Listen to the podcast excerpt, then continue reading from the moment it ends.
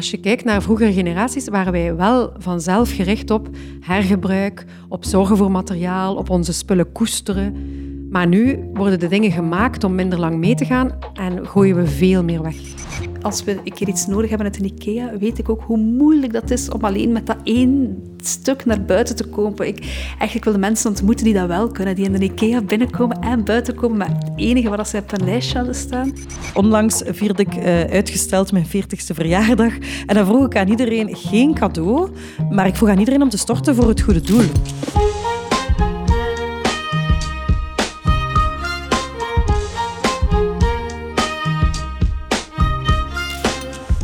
Eva, krijg jij ook zoveel reacties op ons nieuwe seizoen? Ja, echt ongelooflijk veel reacties. Mensen die ook gestopt zijn met een job of willen stoppen, hebben mij al um, iets over gezegd. Mensen die minder op hun sociale media zitten, door uh, de aflevering met Kelly ook. Zo is er een studente van mij, Lopke. ze, zal, ze luistert altijd, dus kijk, voilà. Dag Lopke. Uh, hey Lopke. die heeft mij gezegd onlangs, ik ben op skivakantie geweest en ik heb een week niet op Instagram gezeten en het was zalig. En dat is allemaal door ons en Kelly. Mooi. Ik kreeg trouwens ook veel reacties op het feit dat ik geen alcohol drink en ah, veel ja. begrip daarvoor en zo, dus dat was fijn. Ik ook op die aflevering van de High Sensation Seekers. Hè. Veel mensen vonden dat ook echt herkenbaar. Ja, dat hoorde ik ook veel. En ik hoop dat we met de aflevering van vandaag ook mensen gaan raken. Hè? Ja, want vandaag gaan we helemaal stoppen met meedoen. Hè? Helemaal. Waarom zitten we hier eigenlijk nog? Uh. Maaike, wat bedoelen we daar nu juist mee met stoppen met meedoen? Is dat toekoer stoppen met meedoen met de maatschappij? Goh, ja, zo zou je het extreem kunnen stellen. Maar eigenlijk met deze aflevering worden we meer ons richten op stoppen met doen wat iedereen doet. Dus eigenlijk andere keuzes durven maken dan de rest. En dan meer specifiek over kopen, consumeren, fulltime werken. Consuminderen dus, zo noemen we dat nu toch tegenwoordig. Ik vind trouwens, Maaike, dat jij daar veel beter in bent dan mij over het algemeen. Ik probeer dat ook, maar... Ja. Ik weet het niet. Ik ben daar wel sterk mee bezig, maar ik vind het toch nog heel moeilijk. Maar ja, ik doe wel wat. Ik probeer bijvoorbeeld alleen maar tweedehands en fair fashion kleding te kopen en ook niet te vaak. Mhm. Ik haal mijn boeken uit de bibliotheek of ik leen die op de e-reader. Daar heb ik zo'n uh, abonnement op. Ja. Ik probeer ook spullen te beperken. Dat doe ik tegenwoordig door mijzelf één dag per maand koopdag te geven en de rest van de tijd niet te kopen. I know. Ik heb dat trouwens ook gehoord in de nieuwe podcast van Kelly de Riemaker. Hè? Kelly zegt voort. Maar, en ik weet dat natuurlijk ook van u, maar leg het toch nog maar een keer uit voor al die mensen die dat nog niet gehoord hebben, want het is echt een tof idee. Oké, het klinkt raar, maar het werkt. Sinds september koop ik enkel op de 29ste van de maand. Dus dat betekent, de rest van de maand maak ik een lijstje waarop ik telkens schrijf wat ik denk dat ik zou willen of moeten kopen. Ja. En op die 29ste beslis ik dan of ik het al dan niet aanschaf. En ik koop het ook alleen maar op die ene dag. En dan mhm. gebeuren er twee dingen. Veel dingen vallen, vallen, sowieso af, omdat ja, ik stel het uit en dan merk ik de 29e, pff, ik heb het eigenlijk niet nodig. Ja. En ook, als je alles op één dag moet kopen, heb je er snel genoeg van. Ja. Want dan denk je echt na een aankoop of vier, wow. Ja, en februari heb je dan overgeslaan. nee, bedenk ik nu. nee, dan doe ik het wel op de 28 Ah, oké, oké. Nee, maar echt een tof idee. Ja, En het werkt blijkbaar voor mij. Ja, ja. En jij, Eva, probeerde jij bewuster te verbruiken? Uh, absoluut. Uh, ik eet om die reden ook geen vlees meer, denk ik. Uh, ik heb ook geen auto meer uh, sinds ik gescheiden ben. En ik deel mijn auto nu met een aantal gezinnen uit de buurt. Ja, dat is ook een goed idee. Want je hebt niet vaak de auto nodig waarschijnlijk. Nee, nee. Hooguit één keer per maand heb ik de auto al geleend. Vond ik naar Ikea of zo te gaan. Ja. Oh nee, ja, dat is om te kopen. dat is ook een goeie. Uh, maar de rest doe ik dus eigenlijk met de fiets, want ik woon in het centrum van Gent en hier heb ik geen auto nodig, hè, natuurlijk. Nee, ik zou dat niet kunnen. Dat is ook omdat ik meer afgelegen woon. Ja. Maar Babs, die heb ik geïnterviewd voor deze aflevering en die doet ook alles met de fiets. Mm -hmm. En zij kiest er heel intentioneel voor om zo weinig mogelijk mee te doen met wat zogezegd hoort en bewuster te kiezen op vlak van geld uitgeven en consumeren en werken. Maar jij kent Babs, toch? Eva? Absoluut, absoluut, absoluut. Babs was een mama op de school van mijn kinderen. En onlangs zat ze ook nog een keer in mijn klas in het postgraduaat podcasting. Mm -hmm. uh, zij werkte vroeger bij de Transformisten. Dat is eigenlijk een organisatie die bezig is met bewust minder verbruiken. En dat is iemand, Babs, van wie dat ik al immens veel geleerd heb. Ik ben niet gestopt met kopen. Ik, heb dat wel, uh, ik ga wel heel bewust om met mijn koopgedrag. En dat gaat niet alleen over kleren, dat gaat ook over spullen en hebben dingetjes en elektronica en toestellen. En... Dus ik uh, probeer eigenlijk bij alles wat ik denk dat we nodig hebben, toch even stil te staan. Hebben we dat nodig? En twee, kunnen we het niet uh, gebruiken van iemand of kunnen we tweedehands kopen? concreet gaat het bijvoorbeeld over toestellen in de keuken. Ik denk ehm, dat wij heel weinig toestellen hebben. Ik heb, ehm, wij gieten koffie bijvoorbeeld nog altijd gewoon op met een koffiefilter. Ehm, wij hebben wel een croque machine, maar dat is het zo wat, denk ik, qua elektronische toestellen. Dus ik heb wel een mixer natuurlijk, dat wel, maar niet, ik heb heel weinig extra toestellen. Uh, maar dat gaat ook over kleding, dat gaat over spullen, dat gaat over fietsen. Uh, wij hebben geen auto, wij delen een auto, want dat is natuurlijk ook een mogelijkheid. Als je niet zelf bezit, moet je zaken kunnen delen. Maar absoluut, soms heb je dingen nodig. Ook kleding. Heel bewonderingswaardig. Mensen die nooit iets nieuws kopen. Maar uh, ik vind dat zelf niet zo gemakkelijk. Uh, dus soms heb je iets nodig. Hè. Is dat een jas? Is dat, zijn dat schoenen? Is dat sokken? Is dat ondergoed? Of is dat een broek? Uh, denk ik dat je toch altijd moet kijken van... Kan ik het op een andere manier kopen? Kan ik het tweedehands kopen? Kleding, zetels, toestellen, fietsen, gebruikdingen, elektronica. Wij kennen allemaal een bibliotheek, maar je hebt ook bibliotheken van spullen. Je hebt uh, gereedschapsbibliotheken, je hebt uh, fietsbibliotheken, je hebt babytheken voor babyspullen. Um, kan ook perfect, dat worden eigenlijk echt goed gebruikt. En uh, als laatste denk je dan eigenlijk, als je het koopt, probeer het dan zo duurzaam mogelijk te kopen. Iets dat lang meegaat, dat herstelbaar is en uh, herbruikbaar. En, en gewoon kwalitatief is en dat je goed kan onderhouden.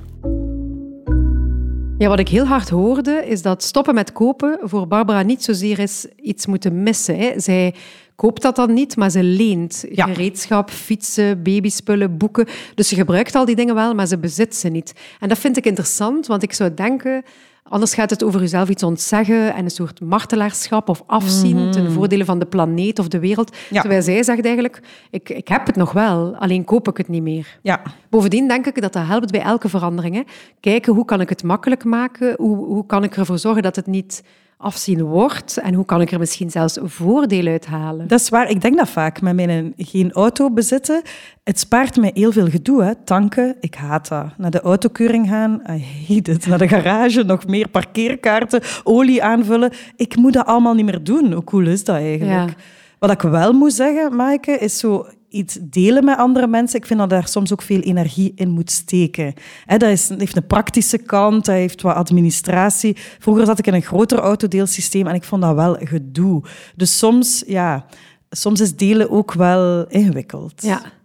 Ja, of delen iets voor u is, hangt er trouwens ook vanaf hoe belangrijk het voor u is om zelf iets te hebben. Ja. Ik zou niet zo snel mijn huis delen of verruilen. Ik ben daar nogal op gesteld op mijn eigen plek. En ik ben ook eigenlijk wel blij dat wij niet huren dat dat mhm. ons huis is. Ik vind het leuk om daar iets aan te doen. En dus voor mij is toegang tot iets hebben niet altijd hetzelfde als bezit. Okay. En daar hadden we het met Babs zat ik daar ook uitgebreid over. Toegang hebben versus bezit hebben. Heel interessant. Ik denk inderdaad dat dat een grote switch zal moeten zijn, dat, dat niet per se het bezitten belangrijk is, maar toegang tot. Hè. Er wordt vaak gezegd, toegang tot goed wonen, toegang tot voeding, maar ook toegang tot, uh, tot spullen die je nodig hebt op dat moment. En ik vind dat enorm veel inspanning vraagt van je eigen om te zeggen, dit hoeft misschien niet. Ik ben eigenlijk perfect gelukkig met gezonde kinderen, een gezond leven. Ik probeer heel hard mijn balans te behouden tussen uh, engagement en werk en job en hobby en eigen tijd. En ik denk dat daar ook met consumeren enorm veel uitdaging zit tussen van, wat wil ik echt? En hoe kan ik dat behalen? En ik heb natuurlijk de luxe om dat te kunnen doen, omdat ik een job heb en geld heb. Maar mensen die um, niet genoeg hebben, die heel hard moeten werken, um, ja, die moeten eigenlijk die luxe ook kunnen krijgen. Dus eigenlijk gaat dat ook gewoon over sociale wereldwijde rechtvaardigheid. En rond dat delen, ik ben zelf heel fan van delen, omdat ik denk, um, heel veel zaken die wij hebben of die wij willen hebben, worden maar op een heel beperkte manier gebruikt. Dus een typisch voorbeeld dat ze altijd geven is de boormachine. De gemiddelde boormachine in een gemiddeld gezin wordt eh, minder dan één uur gebruikt gedurende zijn hele levensfase. Uh, want waar heb je nodig? Je hebt eigenlijk een gat in de muur nodig en niet per se de boormachine. Dus waarom zou je niet op veel makkelijkere, toegankelijke manieren eigenlijk een boormachine kunnen gebruiken van een gereedschapsbibliotheek? En in Gent heb je er een paar, maar je hebt er eigenlijk in heel Vlaanderen en heel de wereld heb je verschillende tool libraries, um, waar je via lidmaatschap, 20 euro per jaar, altijd een boormachine, een hamer, maar ook een, eh, een zaagmachine, een schuurmachine, al die zaken kunt lenen. Ik moet toch ook ik denk dat dat logisch is. Hè. Je wilt, eigenlijk zijn wij opgevoed met heel graag dingen te bezitten. Hè. Ik ook, ook een boek bijvoorbeeld. Ik, uh, denk, ja, is het ook die schrijver, je wilt dat boek kopen, je leest dat en dan staat dat in de boekenkast. Of probeer ik dat wel door te geven. Um, terwijl eigenlijk een bibliotheek een fantastische uitvinding is. Um, ik heb het ook over andere zaken, hoor. Dat ik denk, ah, maar ik ga het misschien nu toch zelf kopen, dan heb ik het en is duurzamer, dan kan ik het goed... Uh, verzorgen. Zeker met trekkers schreef. Ik ga graag uh, buiten naar de natuur en dan koop ik toch wel zaken zelf.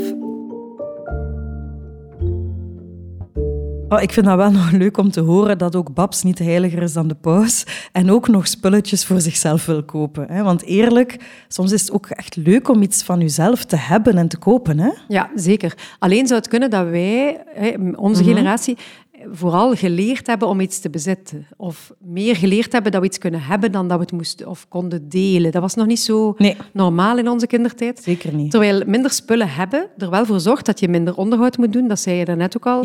Meer tijd over hebt, meer geld over hebt, minder moet nadenken over keuzes en minder tijd en energie steekt in winkelen. En dat zorgt wel voor meer vrije energie voor andere dingen. Absoluut, ja. Bovendien denk ik dan, nog een van de voordelen is dat toegang hebben tot iets in plaats van het zelf bezitten, ervoor zorgen dat je juist meer kan veranderen. Je kan bijvoorbeeld een keer met een grote gezinswagen rijden als je een uitstap doet en de volgende keer met een kleine mini alleen op stap gaan.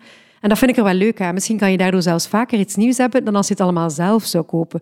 Ik kan alleszins meer lezen als ik de bibliotheek als boekenkast gebruik dan als ik al die boeken van mijn eigen budget moet kopen, toch? Ja, Maaike, ik snap het heel goed dat er veel voordelen zijn. En ik vraag me af, doet Bab dit eigenlijk omwille van de planeet en het klimaat of vooral omwille van zichzelf en de voordelen? Ik denk dat ze het in de eerste plaats omwille van het klimaat doet of deed, maar dat ze nu ook geniet van wat het daarop levert.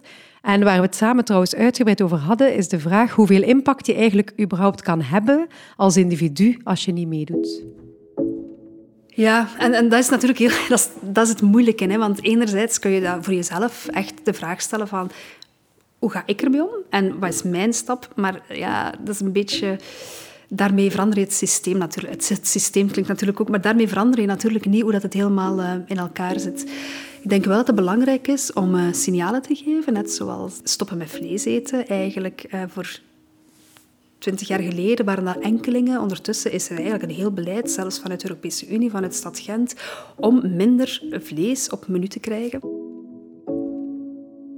Ik vind stoppen met ook heel cru. Ik heb, een ik heb wel een tijd echt gedaan. Ik had tien bonnen voor mezelf gemaakt. Tien kledingbonnen. En ik mocht tien dingen kopen per jaar.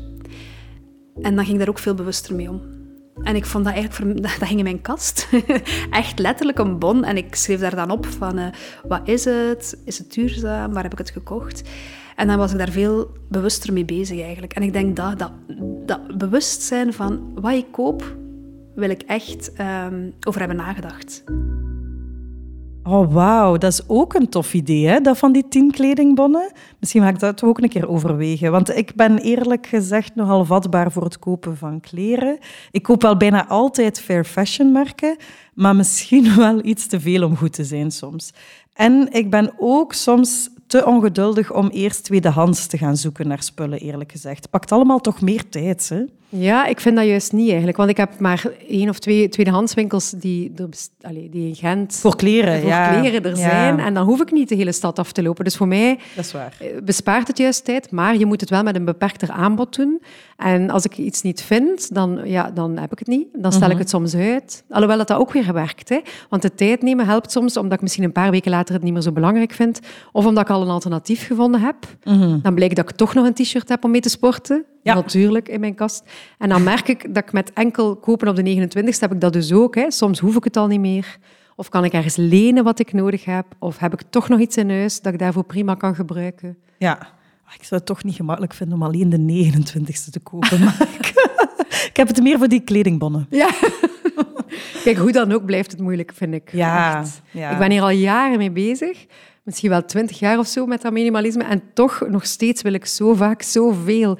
En nog steeds ook miskopen en koop ik iets waar ik achteraf spijt van heb. Mhm. Het is echt moeilijk om niet voortdurend meer en nieuw te willen in onze maatschappij. We zijn zo omringd door de verleidingen. Het is echt ingewikkeld om niet mee te doen. Ja.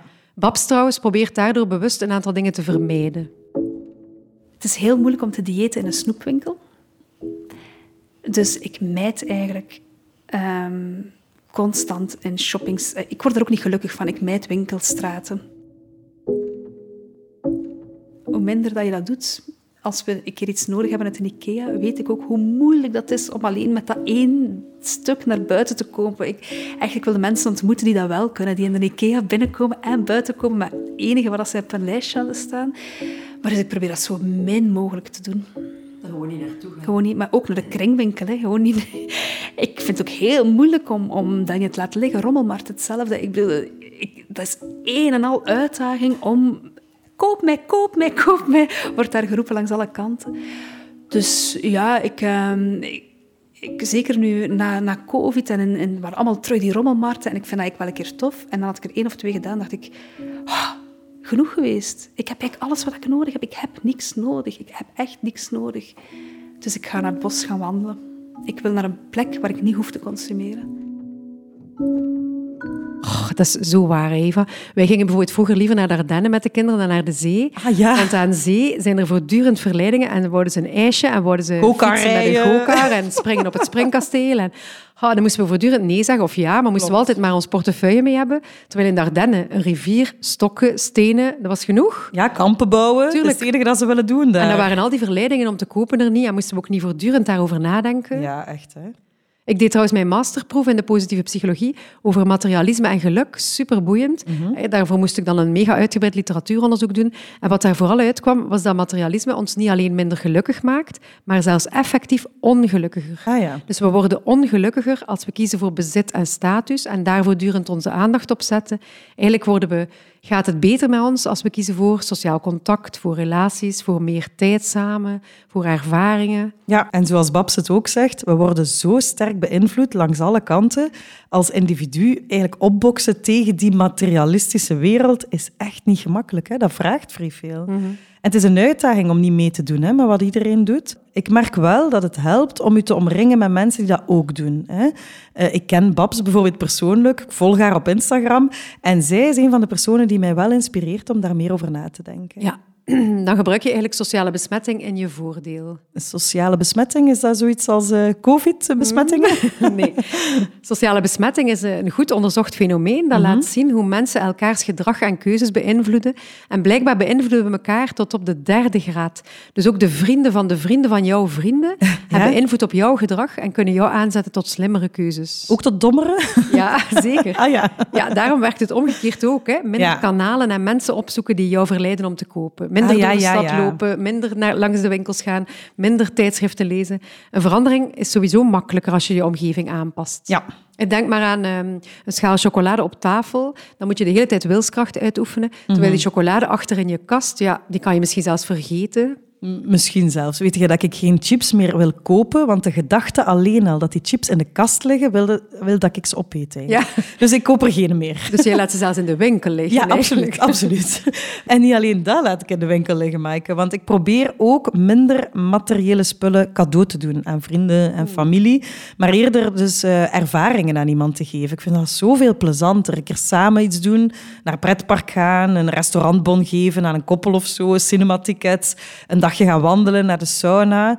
En ook bijvoorbeeld eh, onlangs vierde ik eh, uitgesteld mijn 40ste verjaardag. En dan vroeg ik aan iedereen geen cadeau, eh, maar ik vroeg aan iedereen om te storten voor het goede doel. Voor Kom op tegen kanker, want ik loop zo die 100 kilometer tegen kanker. Ja. En dat was heel tof om dat te vragen en om dat te zien gebeuren eigenlijk. Ja, super. Babs doet dat ook, zo'n goed doel als Ja. cadeau. Ik heb dat nog nooit gedaan. Ik wil dat eigenlijk ook wel een keer doen. Voilà. Maar ik ben al verjaard. en ik vroeg geen goed doel, maar wel iets voor mijzelf, sorry. Maar ik heb wel een ervaring gevraagd. En. Bijvoorbeeld van mijn mama heb ik een museumpas gekregen. Dat was echt de max, Eva. Ik ben daar zo blij mee. Dat is dus een cadeau waar ik het hele jaar plezier van heb. Hè. Niet één keer. Ik weet het, maar ik weet het. Jij kunt daar niet over zwijgen, over Ja. die museumpas. Maar dus even voor de duidelijkheid. Dat is een pas, een kaartje, waarmee je elk museum van België kan bezoeken? Ja, ja, ja. En niet alleen musea, maar bijvoorbeeld de plantentuin van Meissen ook. En Ah, ja. het Openluchtmuseum in Bokrijk. Bokrijk, dat vind ik echt de max. Ik weet het. Daar kan ik ook niet over zwijgen. Dat is waar.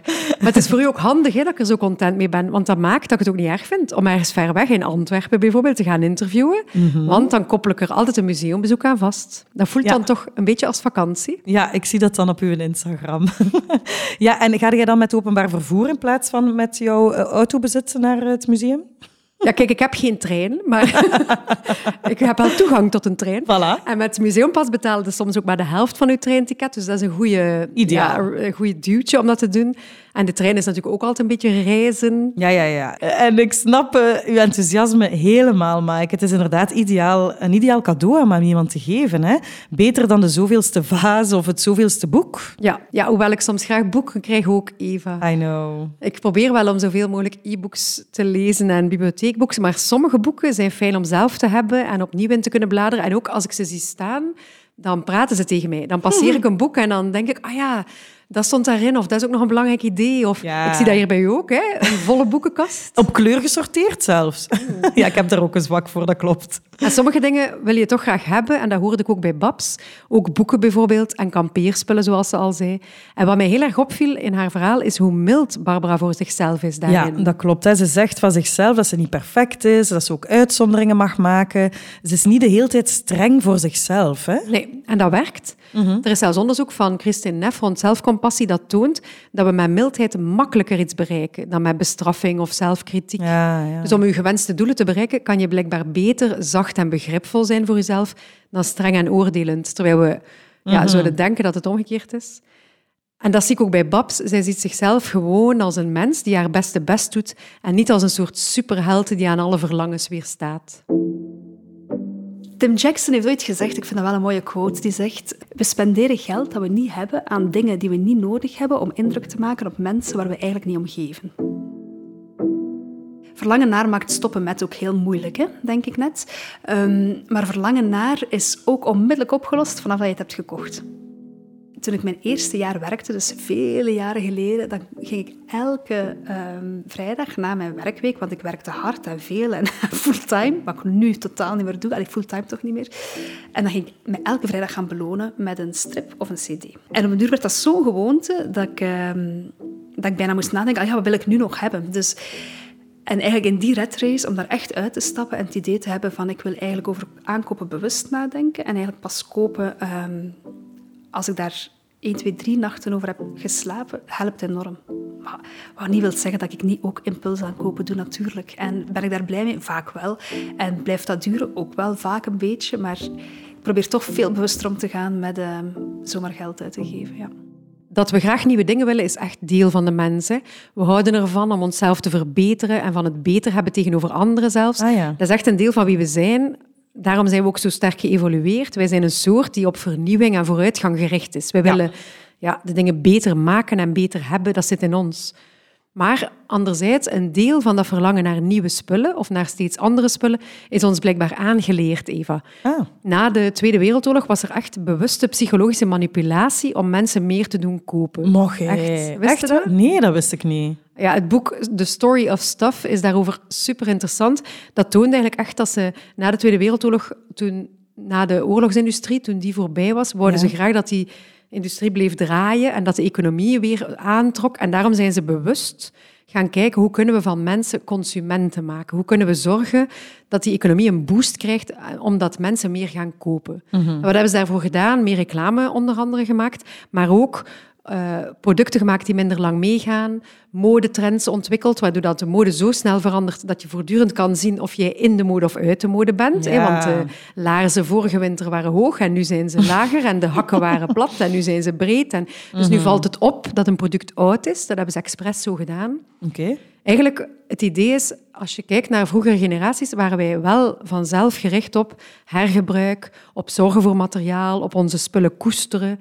Maar nu worden de dingen gemaakt om minder lang mee te gaan en gooien we veel meer weg. Ja, dat klopt. En ik herken dat wel. Mijn grootvader bijvoorbeeld, die hergebruikte echt alles. Elke broodzak, elk glazen potje. Ik moest ook altijd zijn hergebruikte plastieke potjes met soep teruggeven achteraf, want hij wou dat dan nog een keer hergebruiken. Hè.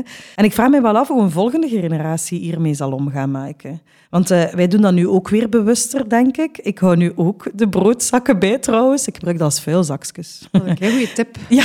Echt? Ik koop nog van die rolletjes plastic zak. Ah, nee, nee, ja, ik doe de broodzakjes. Ja, ja. Slim. En, um, en daardoor leer ik mijn kinderen toch ook weer iets anders. Hè?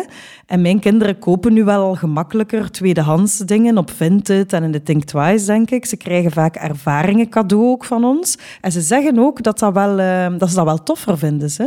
Leuk, hè? Bij de mijne is dat absoluut ook zo. En ik, ik denk dat we onze kinderen ook kunnen laten zien dat we gelukkiger worden van minder spullen om ons heen. Ja. Trouwens, nieuwe spullen die blijken ons maar heel kort te vervullen. In de wetenschappelijke onderzoeksliteratuur heet dat de hedonische tredmolen. De wat? Ja. En dan moet je denken aan zo'n hamstermolentje, Ah, waar ja, je ja, maar ja. rondjes in blijft lopen. Rondjes van het ene nieuwe ding naar het andere en het ene kortstondige geluk naar het andere. En hedonia is kortstondig geluk. Dus je blijft maar in dat Mhm. ratje lopen en je koopt wel iets nieuws, maar dat is ook onmiddellijk weer ja, voorbij. De voldoening die je daarvan krijgt, duurt niet lang. Dus je gaat opnieuw op zoek naar het volgende nieuwe ding. En blijkbaar is dat bij ervaringen en sociale contacten niet zo. Ze zeggen dan, die ontsnappen aan de hedonische tredmolen. Dus die vervullen ons veel langer, die brengen ons veel langer tevredenheid. Zelfs als zo'n sociaal contact of zo'n ervaring heel tijdelijk is. Ja, ja, dus een avond gezelschapsspelletjes spelen met vrienden zal veel meer voldoening geven dan een keer te gaan shoppen. Ja. En nog een voordeel van minder spullen hebben, dus nog een voordeel van minder kopen en minder gericht zijn op dat materiële verlangen steeds, is dat minder rommel om je heen en goed weten wat je hebt, Ja? blijkbaar zorgt voor een soort innerlijke rust. Ja. Eh, Gretchen Rubin, dat is zo'n auteur van veel boeken rond eh, geluk en zo en happiness en gewoontes, noemt dat eh, outer order, inner calm. Ah, ja. Dus de orde buitenaf zorgt voor innerlijke rust.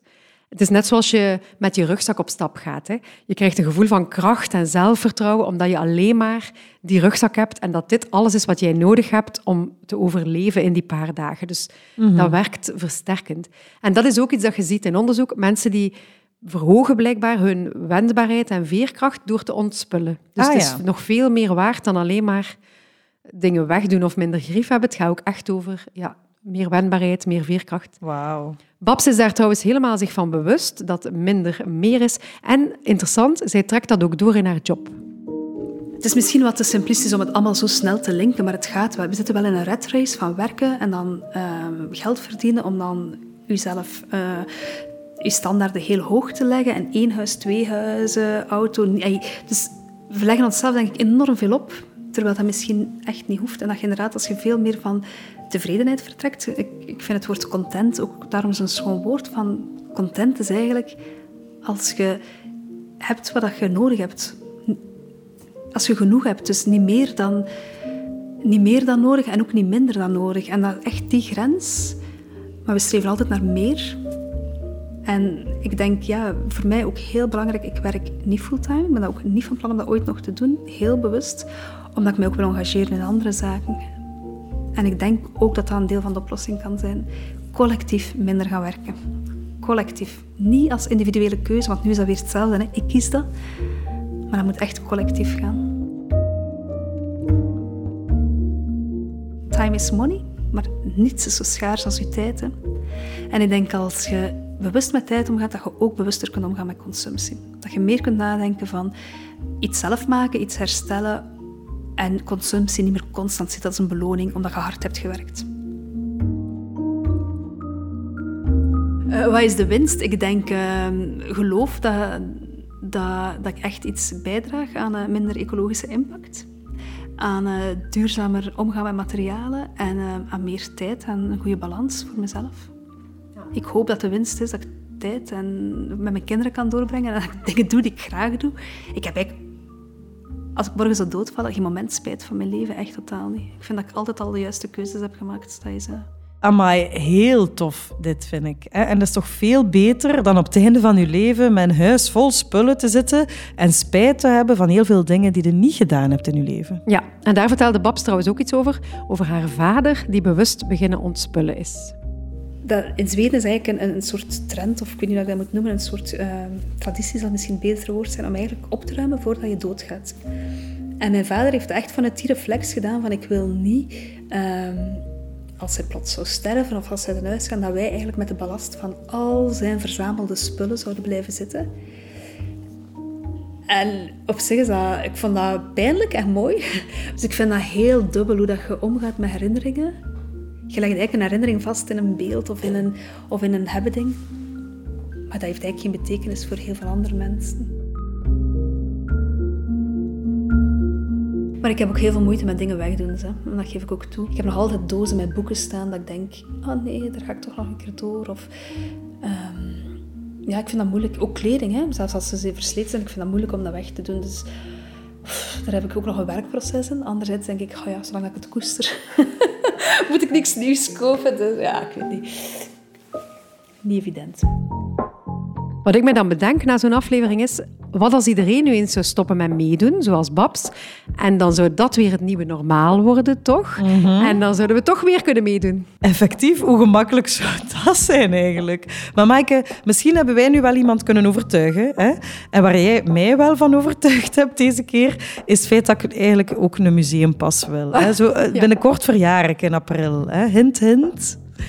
Ja, oké, dan kunnen wij samen naar Bokrek. Ik zie dat al zitten. Oh my god. Ja, het is goed. Het is goed. Ik ga mee. Maar we zullen eerst, eerst deze podcastaflevering deftig afsluiten. Is dat een goed idee? Ik ga Sander bedanken voor zijn jingles en de muziek. Ja, en ook dankjewel om te luisteren, beste luisteraar. Ik hoop dat het een leuke ervaring was. En zoals steeds staan al onze tips en links samen op de website bij de show notes. Ja, en goed nieuws ook voor onze vrienden van de show, want de bonusaflevering over stoppen met vriendschap komt er nu echt aan. En die is zo goed geworden. Maaike, zouden we durven om al een stukje te laten horen? Een klein stukje? Ja. Ja, ik denk dat ik het... Ik snapte het wel. Maar ja, zo'n boodschap krijgen is wel stevig. Ik vond dat heel heftig. Sophie kan zo extreem zijn in haar impulsiviteit. Ik denk dat ik dan nogal extreem ben in mijn ehm, geordendheid of zo. Van, ja, je zit bij mij een schuif, van de vriendenschuif, de familieschuif.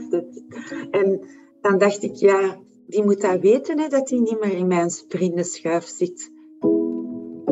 Ik heb zelfs nooit bedacht dat dat een optie kon zijn. Dat je bij vrienden en vriendinnen heel bewust kunt zeggen: Dit uh, heeft voor mij nu niet meer de betekenis die het vroeger had en ik houd hier liever mee op.